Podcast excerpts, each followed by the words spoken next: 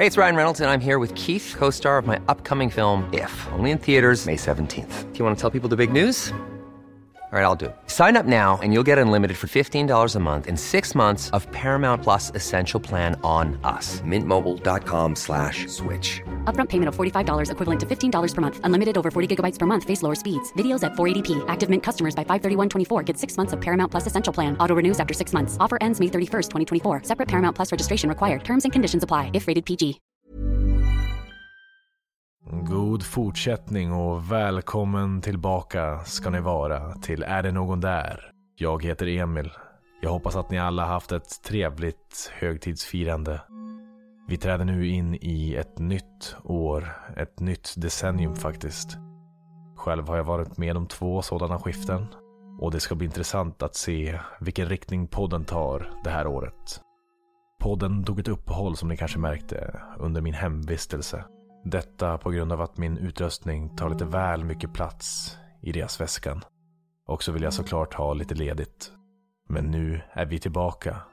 Och vi sätter igång dagens avsnitt.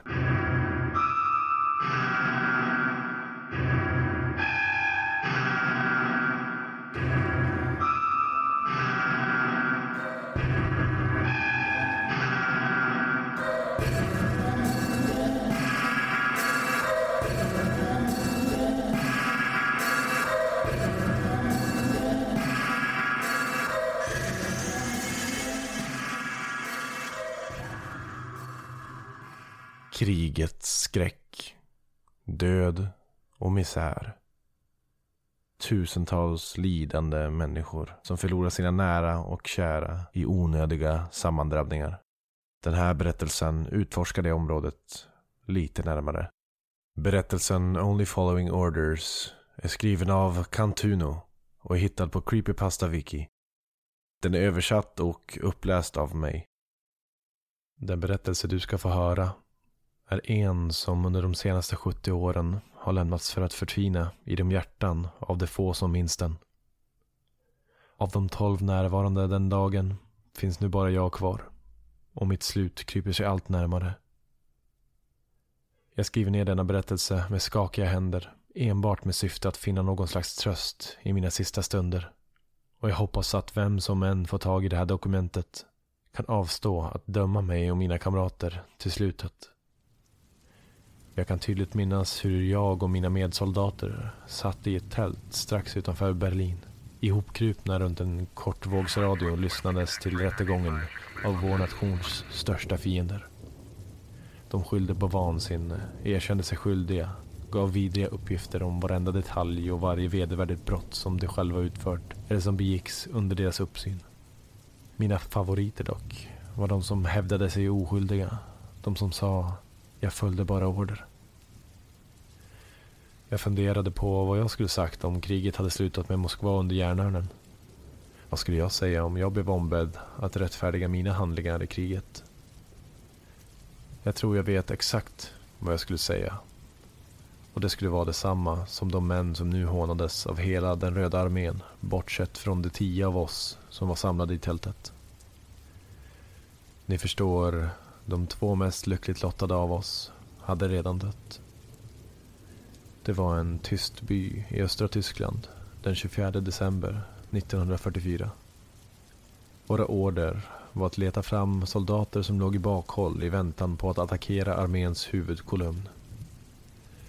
Vår sergeant, Ivan, tog ledning med oss andra i formation hack i häl. Regnet öste ner och skymde vår sikt. En skarp smäll fick mig att vakna till och jag dök omgående ner på mage. Jag kände lukten av rök och hörde en duns i leran cirka fyra meter framför mig. Ljudet av gevärseld var öronbedövande medan vi besvarade elden. Jag hade ingen aning om vartifrån skottet hade avfyrats. Så var och en i gruppen chansade till vår bästa förmåga och avfyrade i den riktningen. Vi var medvetna om att vi inte skulle träffa skytten. Men vi hoppades att vi skulle skrämma bort honom. Jag bestämde mig för att fortsätta skjuta i syfte att ge mina kamrater täckeld då de laddade om sina vapen. När elden upphörde spanade jag försiktigt. Jag skannade av de närliggande husen. En snabb rörelse vid ett av stängslen nära vägen fångade min uppmärksamhet och jag avfyrade ett par skott mot den mörka massan. Åtminstone ett av mina skott måste ha träffat, för var en var föll till marken och rörde sig inte mer. Vid den tidpunkten hade mina kamrater laddat om, så jag matade ut mitt magasin och ersatte det med ett nytt. Vi väntade ett bra tag på moteld. När den aldrig kom så reste sig Ivan till en hukad ställning och smög sig bort mot liket. Han letade efter puls och återvände sedan till oss. Vi fick honom, sa han. Jag såg något i hans ögon då, något som jag inte sett förut. En slags djup sorg och ånger. Oavsett hur mycket press jag satte på honom så berättade han inte varför. Vi reste oss och promenerade vardagligt mot huset som skytten hade kommit ifrån. Ivan knackade på dörren. Vi väntade en stund. Sen placerade Ivan stadigt sin fot på golvet och laddade upp för att sparka in dörren. När ett hagelgevärsskott blåste upp dörren. Ivan föll till marken, fylld med hagelsplitter. Vi besvarade elden genom dörren och slog sedan snabbt ner den med våra gevärskolvar. Golvet på insidan var fyllt med glas och väggarna täckta med kulhål. På golvet låg en ung kvinna, träffad på fyra ställen med dödlig utgång. I hennes hand höll hon hagelgeväret som dödade Ivan. Vi hade fått mer än nog av den här byn. Vi plundrade huset. Vi välte bord och fyllde våra fickor med värdesaker. När vi var färdiga krossade vi gaslampor på golvet och kastade tändstickor i den växande pölen av vätska. Vi lämnade huset i lågor. Det var först när vi var ute igen som vi hörde gråten. Vid det tillfället hade lågorna fått fäste och det var för sent. Vi kunde inte återvända in. Mamman hade gömt sitt barn innan hon beväpnat sig för att möta oss. Och vi hade inte hittat det innan vi satte eld på huset. Gråtandet fortsatte bara i några minuter innan det tystnade bland sprakandet av lågorna. En man flög ut genom en byggnad längre ner längs gatan och spurtade mot oss, skrikandes på tyska. Vår tolk skrek åt honom och när vi höjde våra gevär höll han upp en hand för att stoppa oss. Den tyske mannen puttade sig förbi och fortsatte mot den brinnande byggnaden. Han tvekade för en sekund i dörröppningen innan han störtade in bland lågorna. Han kom aldrig ut. Vid tillfället då elden dött ut kunde vi inte se det längre. Inga ord yttrades under resten av vårt uppdrag. När vi återvände till platsen fann vi folk stående längs gatan, stirrandes efter oss. Somliga arga, vissa ledsna, men de flesta bara ett tomt stirrande. Jag ser dem fortfarande i mina mardrömmar. När vi passerade huset stannade jag och sa att jag behövde pissa till den som nu lyssnade. Ingen trodde på mig, men det spelade ingen roll. Jag tog ett kliv in i skalet av det hus som vi förintat. Och där, på golvet i sovrummet, såg jag skelettet av en man. Krossad under en träpelare med en samling mindre missbildade ben i hans armar. I trädgården, vid stängslet, såg jag en liten pojke med ett leksaksgevär iklädd en för stor uniform av en tysk soldat.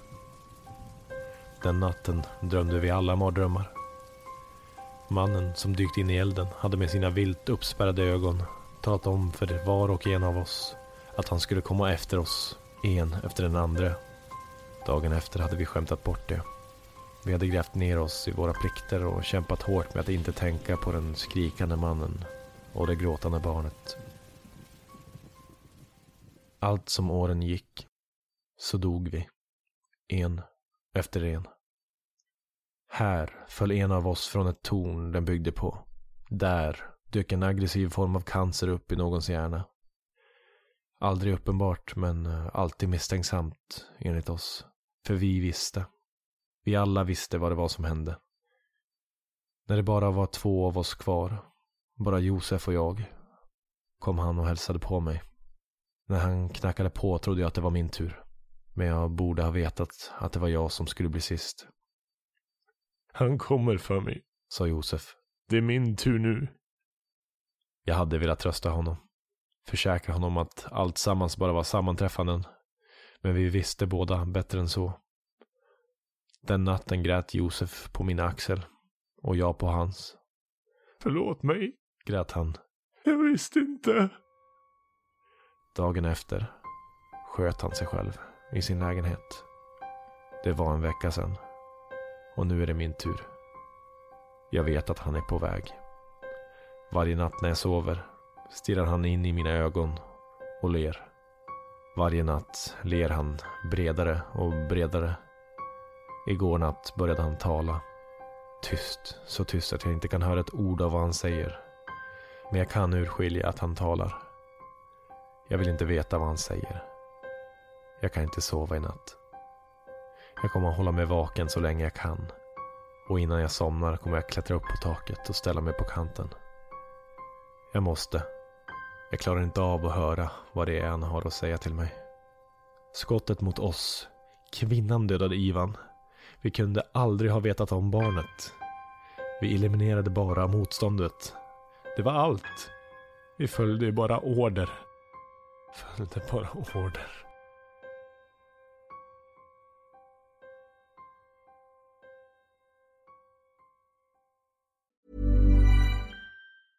Selling a little or a lot?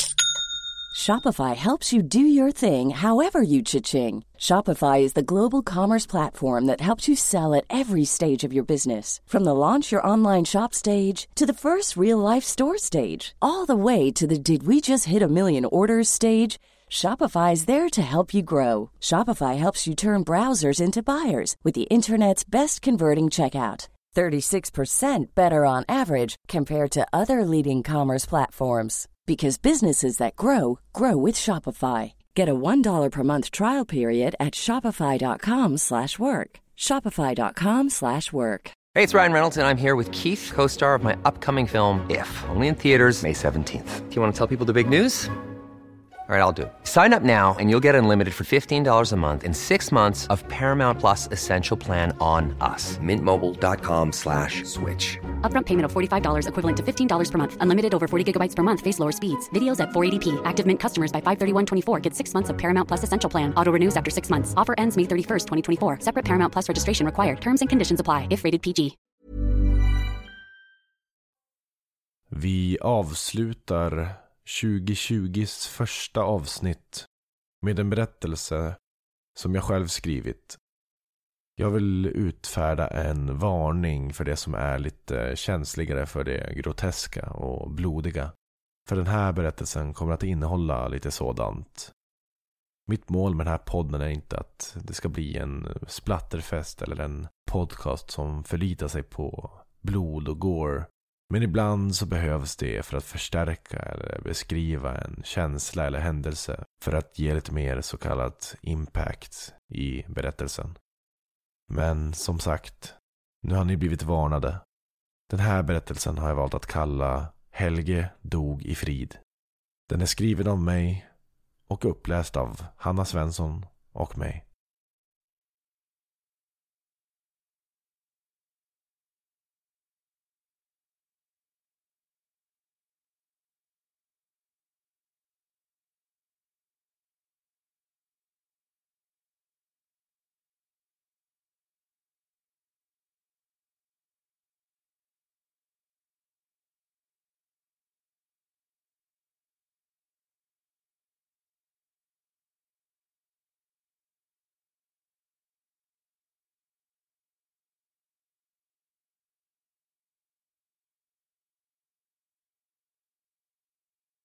Korvstroganoff.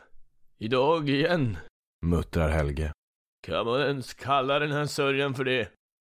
Helge grubblar över hans land i dagsläget och vart alla de skattepengar som äldrevården behöver försvinner. Trots Helges tillstånd är han till synes en avsevärt mycket friskare man än de flesta boende på anläggningen. Hans närstående betalar en ansenlig summa för Helges assistans och vistelse här på Nordberga äldreboende. Innan pensionen, som kom tidigare än planerat för 20 år sedan, satt Helge som delägare i en större byggfirma. Snickarbranschen hade lämnat Helge med nedsatt hörsel och dålig rygg.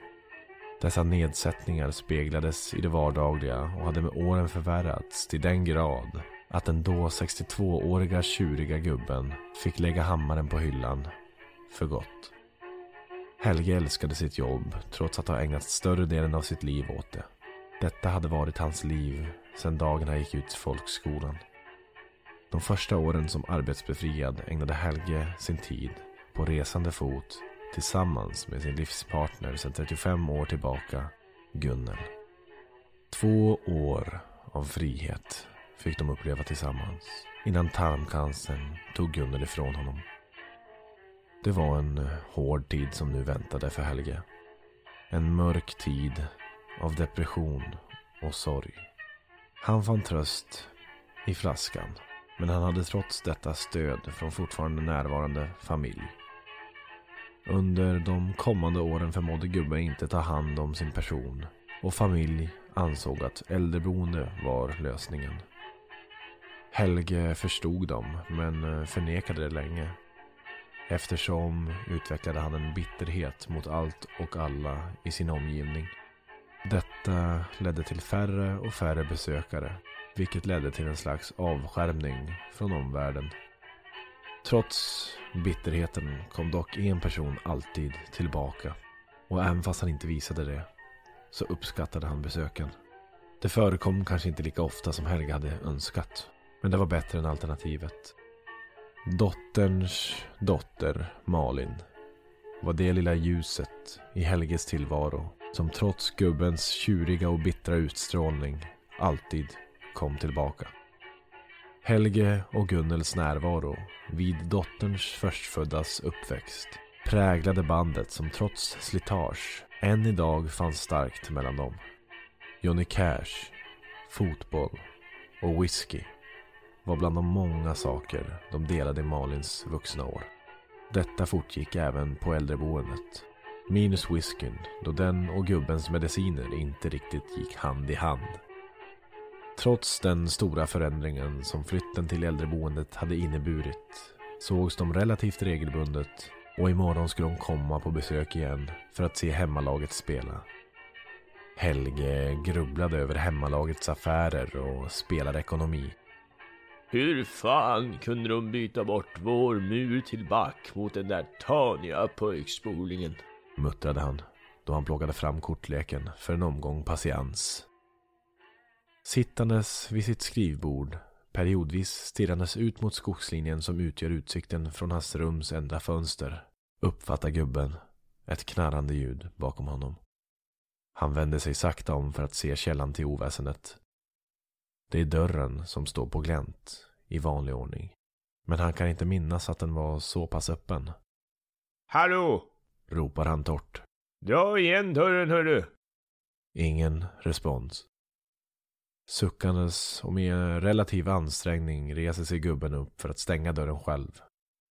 Med en snabb titt ut i korridoren drar han igen dörren så gott det går utan att stänga den helt. Det måste ha blivit korsdrag. Idiotisk regel, mumlar han. Att man inte ska få ha något jävla privatliv. På boendet tillåts inte stängda dörrar på kvällen. Irriterad dänger han ner sin bakdel på den dynprydda stolen och återgår till omgången patiens. Det hinner bara gå ett par minuter innan ett knarrande ljud bakom honom återigen fångar gubbens uppmärksamhet. Den här gången är gubben snabb och vänder sig om för att potentiellt läxa upp personen som stör honom eller för att söka upp källan till korsdraget.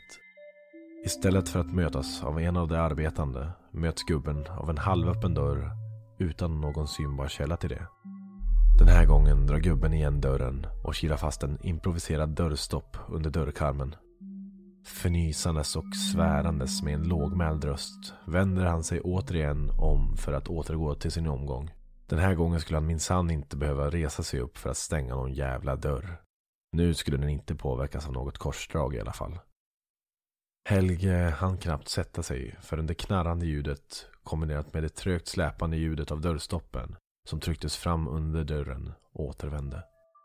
Samtidigt som ändan slår ner i stolen exploderar ilskan inom honom.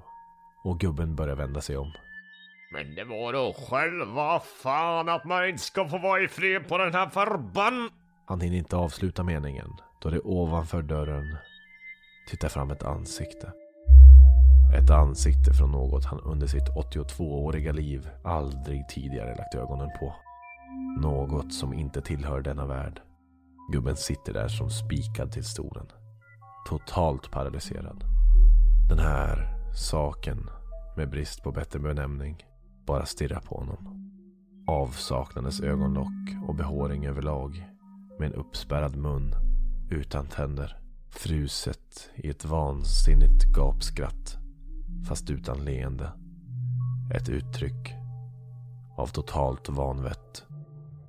Det som får gubben ur den totala paralysen är det mumlande ljudet som gradvis i volym ökar från fönstret bakom honom. Det är först nu han inser att ljudet har varit närvarande under hela mötet med varelsen framför honom. Han vänder sig om, trots livrädd över vad den ska göra när han lämnat den med blicken. Han möts av vad som en gång måste ha varit ett ansikte, men med hud som har smält och runnit ner som stearin längs dess ansiktsdrag. En naken kropp av en mycket fet man. Eller vad som en gång måste ha varit en man. Hudflikar hänger över där munnen ska sitta. Och när mumlandet till slut når sin kulmen lutar varelsen sitt huvud bakåt för att avslöja en springa mellan dess övertäckta haka och bröstkorg. Ett gap prytt med tänder från axel till axel i flertalet rader avslöjas. Helge greppar krampaktigt sitt bröst i ren och skär skräck. Efter år med hjärtproblem och åtskilt antal läkarbesök var gubben inte gjord för den här sortens påfrestning. Men vem var det egentligen? Innan Helge hinner yttra så mycket som en inandning har saken utanför inlett ett maniskt dunkande med dess huvud mot rutan i ett försök att komma in. Helge gör sig påmind om saken inne i rummet med honom och vänder sig hastigt för att mötas av en orimligt lång gestalt med alldeles för långa kroppsdelar riktade i konstiga vinklar. Nu sitter den hukad i det inre hörnet av rummet där gubbens säng är placerad. Helge ser sin chans och kastar sig med all den kraft han kan förmå mot dörren i hopp om att lägga så långt avstånd mellan honom och dessa styggelser som möjligt. Han passerar runt den öppna dörren och med blicken fäst vid varelsen på sängen blixtrar det till framför ögonen på honom och allt blir svart för en stund. Gubben kommer till medvetandet relativt omgående och upptäcker till sin förvåning att där en dörröppning som ledde ut till korridoren utanför en gång fanns, nu stod en mur i tegel. Jag måste hallucinera, tänker gubben.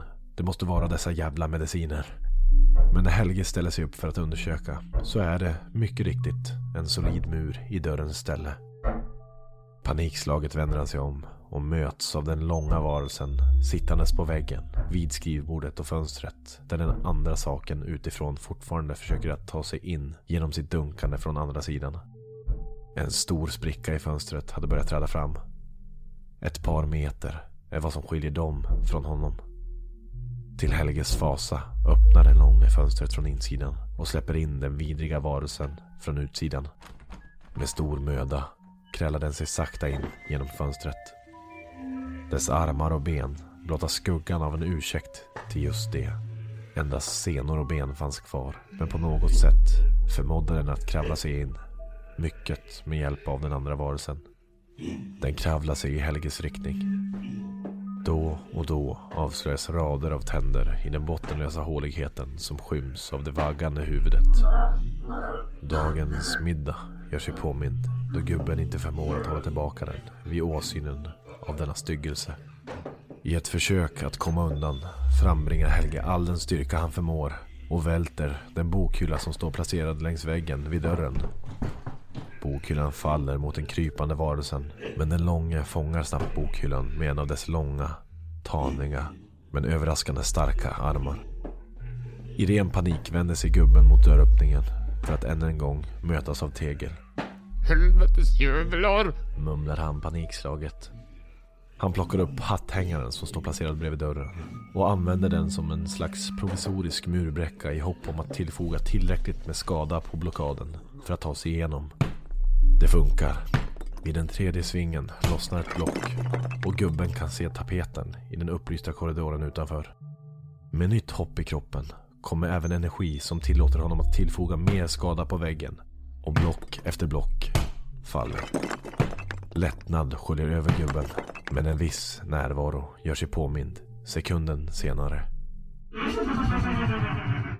Skrocket i gubbens högra öra får honom att vända sig om. Han möter de enorma, vansinniga ögonen av den långe som ler ett illvilligt leende mot honom.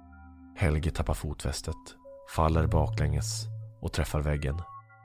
Den långe sträcker sina spindellika lemmar upp i taket och häver sig upp. Den placerar sig i takhörnet betraktandes scenen som utspelar sig nedan. En hand greppar Helges vrist och han vänder hastigt blicken neråt och möts av den vanskapta, krypande varelsen som lyckats få tag i hans ben. Trots dess till synes smala och seniga armar besatt detta missfoster en otrolig styrka. För hur en Helge sparkade och drog så förmådde han inte bryta varelsens grepp om hans vrist. Ett dovt bullrande trädde ut genom den krypande varelsen då den långe sträckte ner sina seniga armar för att tippa bak den andra varelsens huvud och avslöja det till synes bottenlösa gapet med rader av tänder. Den förde gubbens ben till sitt gap och slöt det kring den nedre delen av hans ben.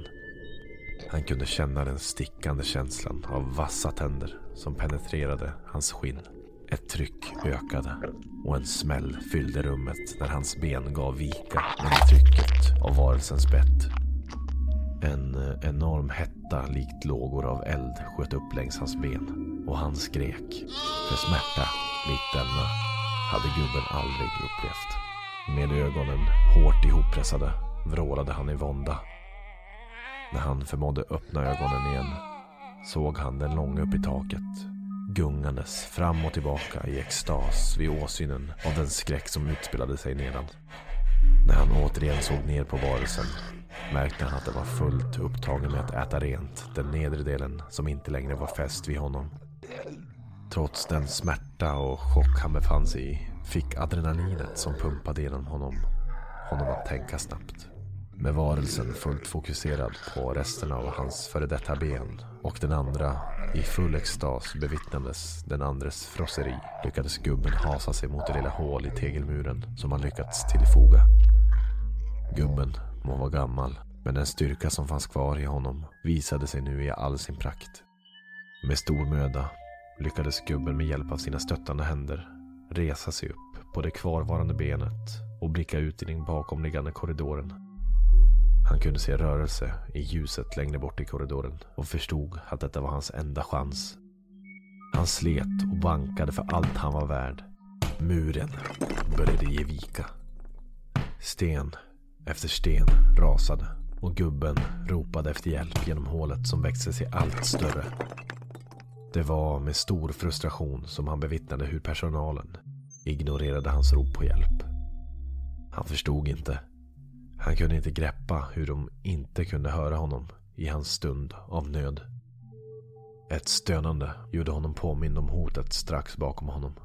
Slagen, slitandet och hans klagorop hade skiftat varelsernas fokus och när han vände sig om mötte han återigen deras hungriga blickar. Hjälp! Hjälp för helvete! Hans panikslagna bankanden och rop på hjälp fortsätter.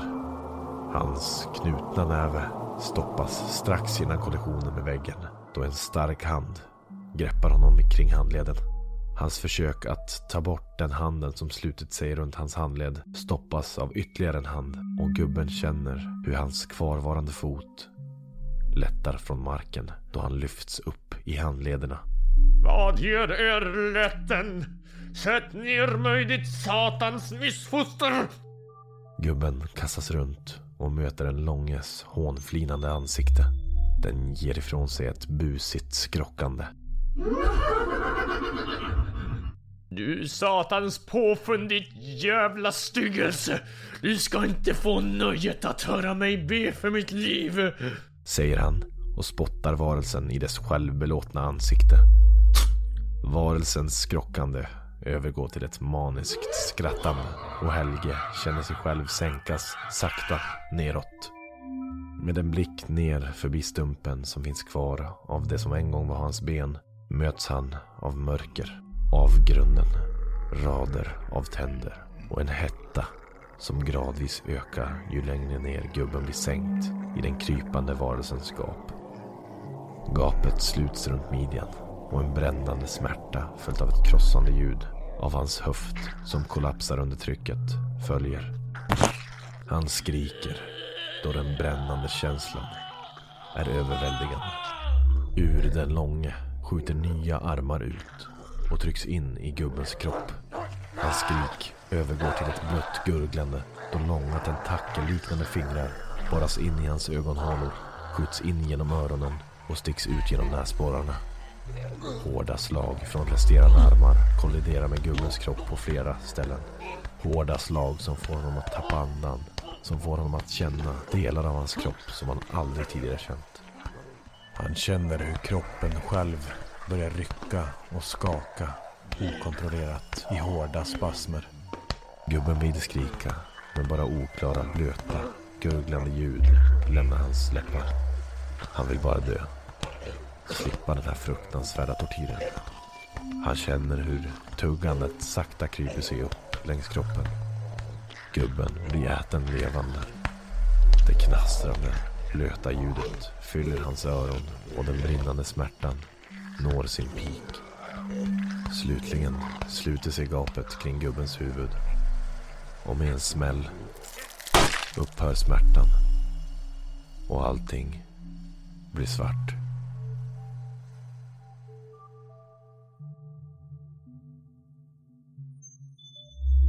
Vi skulle ju kolla på matchen tillsammans idag. Jag fattar inte. Han var ju pigg häromdagen. Varför doktorn? Varför? Jag är ledsen, men det är sånt här som händer. Vadå sånt här som händer? Han var ju frisk! Det var inget fel på honom! Nej, det var inget vi kunde förutspå. Allt såg bra ut vid den senaste undersökningen. Han förtjänar inte att dö ensam. Det gjorde han inte. Jag skulle varit här. Jag skulle varit här. Så ja. Det fanns inget du kunde göra.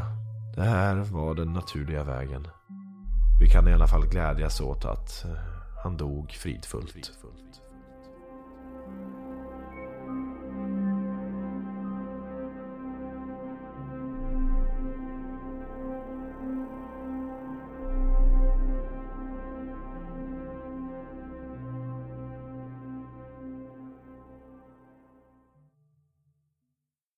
Jag hoppas att ni ska ha gillat dagens berättelser. Jag vill tacka för att just du tog dig tiden att lyssna på den här podden.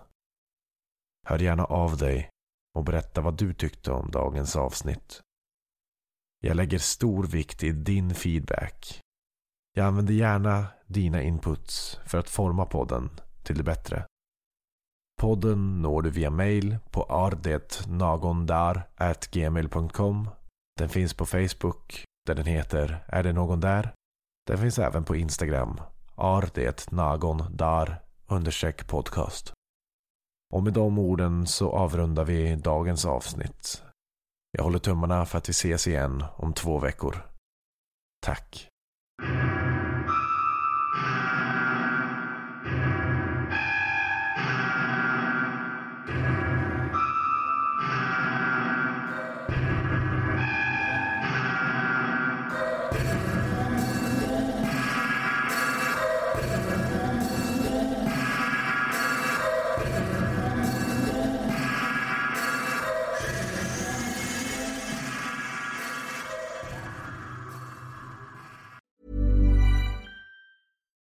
It's Paige DeSorbo from Giggly Squad. High quality fashion without the price tag. Say hello to Quince. I'm snagging high-end essentials like cozy cashmere sweaters, sleek leather jackets, fine jewelry, and so much more. With Quince being 50 to 80% less than similar brands. And they partner with factories that prioritize safe, ethical, and responsible manufacturing. I love that. Luxury quality within reach. Go to quince.com slash style to get free shipping and 365 day returns on your next order. Quince.com slash style.